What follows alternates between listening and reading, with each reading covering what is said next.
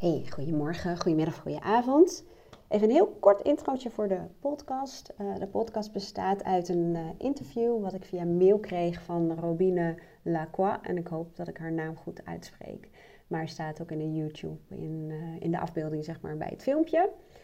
Um, hartstikke leuke foto's en heel veel mensen vragen me ook hoe ben jij een life coach geworden en waarom doe je dat werk? En zij stelt daar hele leuke vragen over. Die heb ik opgenomen voor haar. En uh, ik dacht, misschien is het ook wel leuk voor jullie om te delen. Ik weet ook dat heel veel klanten van mij zijn uiteindelijk ook zelf coach geworden. En ik begeleid ook uh, startende coaches. Dus ik denk dat het uh, waardevol is voor de mensen die nou, overwegen om coach te worden. Of dat misschien al zijn geworden. Ik wens je een hele fijne dag. En ik hoop dat je erdoor geïnspireerd wordt. Hey, goedemorgen Robine. Um, ik dacht, ik ga gelijk even gewoon uh, zonder na te denken uh, antwoord geven op jouw vragen. Hè. Dan komen over het algemeen ook de meest uh, eerlijke antwoorden eruit. En um, leuk dat je mij gevonden hebt, sowieso.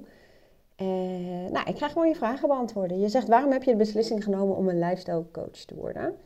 Um, ja, de een zegt lifestyle coach, de ander zegt life coach. En what's in the name maakt eigenlijk ook niet heel erg veel uit. Maar het gaat inderdaad ook wel heel vaak over lifestyle.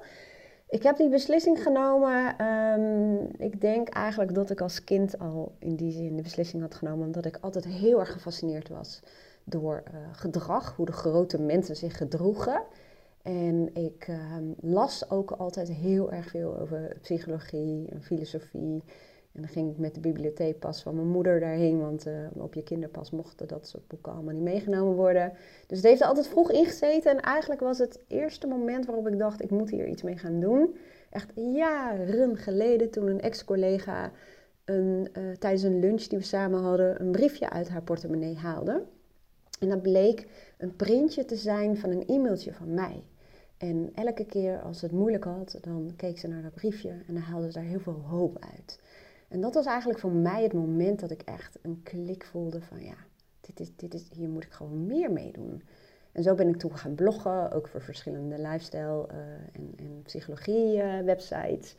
En um, op een gegeven moment ben ik uh, de opleiding gaan doen. En daar is eigenlijk alles mee begonnen. Het was volgens mij in 2015.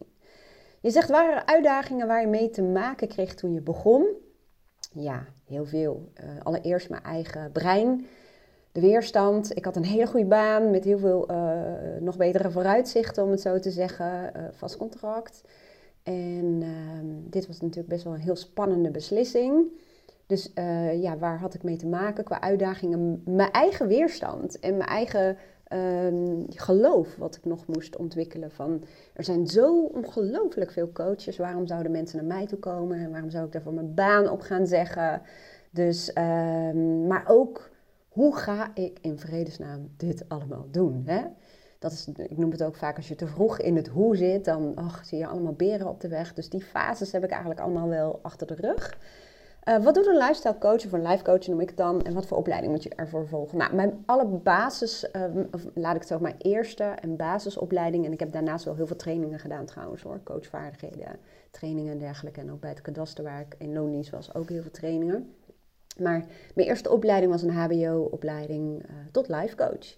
En daarna heb ik nog opleidingen gedaan, zoals mental en performance coaching, coaching bij angst, coaching voor hoogbegaafdheid.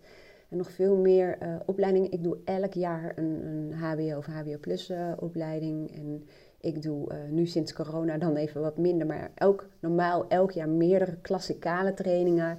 Is met andere coaches en therapeuten en psychologen, omdat het heel leerzaam is, omdat er altijd dan een trainer meekijkt. En uh, nou ja, dan krijg je weer feedback op je handelen, om het zo te zeggen.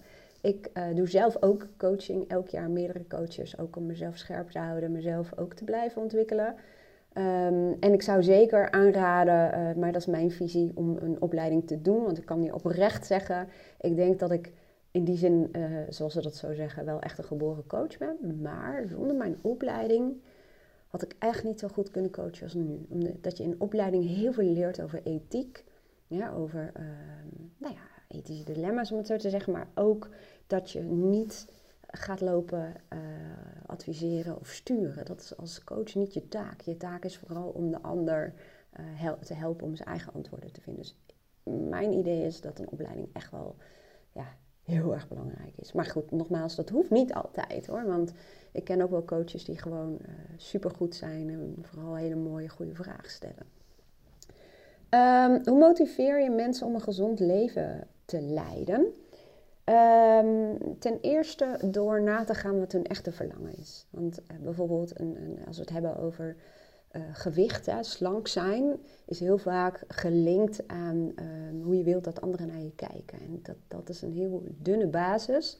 En dat is heel vaak gedoemd om te mislukken. Het is vaak niet een, een motivatie die uit jezelf komt. Dus ik ga heel goed onderzoeken wat is iemands werkelijke, echte motivatie. En uh, daarna heb ik wat technieken om iemand um, nou ja, dus zijn of haar motivatie aan te spreken. Motivatie bestaat eigenlijk altijd uit twee bronnen. En de eerste is, er moet urgentie of een noodzaak zijn of een heel groot verlangen. En als je niet één van beide heel sterk hebt, dan bungel je ergens tussen. En dan kun je heel lang blijven hangen in, in, in een baan, een situatie, een relatie, maar ook een gezondheidstoestand die eigenlijk niet, helemaal niet goed is voor je. En um, ik ben meer een fan van iemands verlangen uh, voeden. Want dat is een veel fijnere motivatiebron dan urgentie en, uh, en, noodzaak. Dus ik doe vooral heel erg het mentale proces. Hè, als we kijken naar lifestyle. Ik weet echt heel erg veel van voeding en dat soort dingen. Maar dat is niet mijn expertise. Dus dat um, laat ik ook echt over aan de experts die, uh, die, die daar echt expert in zijn. En ik ga vooral over het psychologische en mentale stuk, om het zo te zeggen. Hoe leef je een gezond leven? Nou, ik denk dat het belangrijk is om uh, allereerst uh, voor jezelf te stellen: wat is dan de definitie van een gezond leven en wat is dat voor jou? En ook waarom wil je dat? Hè? Ik bedoel, dat gaat ook weer over motivatie, drijfveren. Waarom wil je een gezond leven? Ik leef al sinds klein kind behoorlijk gezond en, um, en, en, en, heel bewust. En dat komt ook omdat ik ja, alle voordelen uh, ervaar en weet en voel van gezond leven. Het voelt gewoon heel erg goed. Je bent scherper mentaal, fysiek. Uh, je voelt je gewoon fit. Je merkt dat als je buiten loopt, dat je gewoon lekker lang kunt lopen, bultjes kunt klimmen, kunt doen wat je wil doen. Je lichaam is echt gewoon ja, ik zeg wel, je voertuig. En hoe beter je daarvoor zorgt, hoe meer je nou, kunt doen wat je graag doet. Dus ja, hoe leef je een gezond leven? Nogmaals, het is voor iedereen belangrijk. Ik denk dat het heel erg belangrijk is om te kijken naar uh, hoe is je leven ingericht? Leef je volgens je waarden? Um, ja, hoe ziet je agenda eruit? En, en hoe kun je in jouw agenda uh, gezonde gewoontes uh, gaan toevoegen. Hè? Hoe, wat voor rituelen kun je bedenken, routines die voor jou dienen. Hè? Het is ook een stukje maatwerk. Ik hou bijvoorbeeld heel erg van een ochtendroutine, maar voor werkende moeders die en werken dus en de kinderen naar school moeten brengen, is een ochtendroutine vaak wel een hele grote opgave. Nou, dan, gaan we kijken wat dan wel mogelijk is. Um, hoe ziet jouw dagelijks leven eruit? Nou, is niet elke dag hetzelfde, maar ik kan wel een beetje grote lijnen uh, vertellen. Ik heb echt een vast ochtendritueel. Ik, sta, of ik word altijd wakker tussen half zes en zes uur. Ik word eigenlijk in 99% van de keren zonder wekker wakker. Uh, zonder wekker wakker, dat is een leuke zin. En ik heb een af, afstemritueel, heet dat. Dus ik ga altijd heel bewust mijn dag uh, beginnen. Ik ontbijt heel gezond. Um, ik beweeg en uh, ik heb uh, door de week veel sessies. De sessies van mij duren meestal anderhalf uur. Tussen de sessies door heb ik altijd een half uur pauze, minimaal een uur lunchpauze. We hebben ook een hond sinds een paar weken en daar ga ik dan mee wandelen. En uh, wandelen doe ik dan echt ook met de telefoon in de zak en echt in het bos en uh, echt even mijn brein laten fladderen.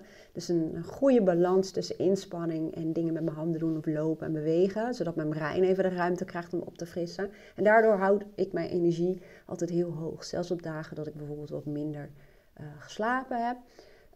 Um, ik heb sinds een eh, jaar denk ik ervoor gekozen om nooit meer dan drie sessies per dag te hebben. Of nooit, dat klinkt ook weer zo, maar mm, dat werkt voor mijn brein het beste. Ik ben sowieso uh, ja, in de ochtend en richting de middag het meest scherp. En mijn sessies duren minimaal anderhalf uur. Dus nou ja, ik, ik, wil me ook gewoon nog fris en energiek voelen voor mezelf en voor mijn klanten. Ik heb ook dagen uh, waarop ik mijn uh, administratie doe, hè, mijn facturatie, mijn btw-administratie uh, voorbereiden bijvoorbeeld, maar ook mijn marketing, mijn website. Ik podcast heel erg veel. dus daar ben ik ook dagelijks mee bezig. En privé, ja, ik heb een gezin, een dochter die woont al uit huis, die is al 27. En de stiefzoon die is hier één keer in de, tenminste om de week, een hele week. En daar breng ik ook veel tijd mee door met mijn gezin en vriendinnen, familie. En ehm, ja, ik, ik ben heel graag buiten. Dat, uh, dat bijvoorbeeld ook.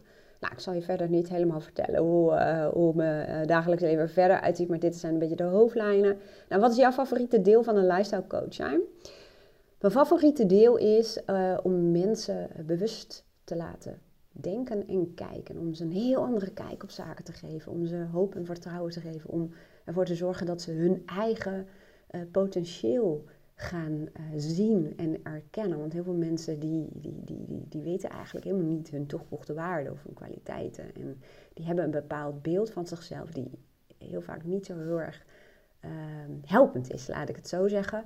Um, het favoriete deel van mijn uh, van lifestyle coach. Nou, ik vind ondernemers coachen. Ik heb heel veel ondernemers die al, al uh, sommigen zelfs vanaf het begin bij me zijn. En die komen bij me om te sparren en om uh, vraagstukken voor te leggen. En dat vind ik zo ongelooflijk gaaf. Dat is eigenlijk een deel business coaching wat ik doe. Uh, maar dat gaat ook over heel persoonlijke zaken. Want daar, daar heb je zo goed. Je hebt een band met elkaar. En ik kan iemands groei volgen. En Um, Zo'n gesprek geeft zoveel energie. En iemand zegt heel veel, ja, de meesten zeggen van, ja, ik heb zoveel inspiratie. En het is echt een soort energieboost. En als ik hier vandaan ga, dan, ja, het is gewoon fijn. En, en voor mij geldt dat ook. En ik geef ook masterminds, waarbij ik uh, verschillende mensen bij elkaar heb uh, uh, verzameld, zullen we maar zeggen. Dat begeleid ik. En dat, nou, daar kan ik ook heel erg veel energie uithalen. Maar ja, wat is het favoriete deel? Om mensen ehm, heel goed te leren wat zij echt willen en hoe ze dat dan kunnen uh, bereiken. Waarom zouden de mensen naar jou toe moeten komen? Nou, ze moeten niet naar mij toe komen. Um, nou, laat ik het zo zeggen. Ik coach niet iedereen en uh, niet iedereen zal een klik met mij hebben. Ik zeg ook altijd, het is voorwaardelijk om een klik met mij te hebben en ook dat mijn aanpak bij jou werkt. Anders heeft coaching echt nul zin. Um, ik kan wel zeggen welke mensen uh, wellicht goed bij me zouden passen en ik bij hun. Ik coach vooral uh, hoogbewuste mensen. Daarbij bedoel ik mensen die echt graag uh, willen groeien, daar ook tijd in willen investeren. Mensen die echt bewust met zaken bezig zijn, die veel ja, toch wel nadenken, die het verlangen voelen om, om, om ja, alles uit het leven te halen. Klinkt een beetje vaag, maar, maar dat, die heel erg gericht zijn op groei. Ja? Ze noemen dat ook wel de groeimindset. Dat is echt het type klant voor mij. Gemotiveerde mensen, mensen die dit ook gewoon heel erg leuk vinden om, om bezig te zijn met een uh, ontwikkeling. Of dat nou persoonlijk of zakelijk is. Um, en ik zou zeggen, om, om een idee te krijgen van mijn stijl, is mijn podcast wel een hele goede ingang. En uh, ik zou ook alleen maar zeggen, kom alleen maar naar me toe als je een klik met mij voelt. Want anders dan kun je beter verder kijken. Welk advies zou je mee willen geven aan de mensen die ook een lifestyle coach willen worden?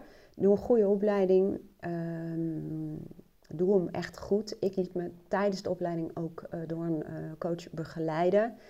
Um, en weet, je hoeft nog niet alles te weten en te kunnen overzien om de eerste stap te zetten. Want heel veel mensen oh, die uh, lopen vast doordat ze denken, oh, dan moet ik dat dan doen. En ik heb nu een baan en dan een opleiding en straks lukt het niet. En hoe ga ik dat dan met een website doen? Hoe vind ik dan klanten? Begin met de eerste stap maak voor jezelf helder wat een eerste stap is en vertrouw erop dat de weg zich wel ontvouwt. En ik uh, begeleid ook uh, veel startende coaches met dit soort dingen. En ook een stukje marketing. Zoek een goede mentor of een coach die, uh, die hier bijvoorbeeld bij kan helpen.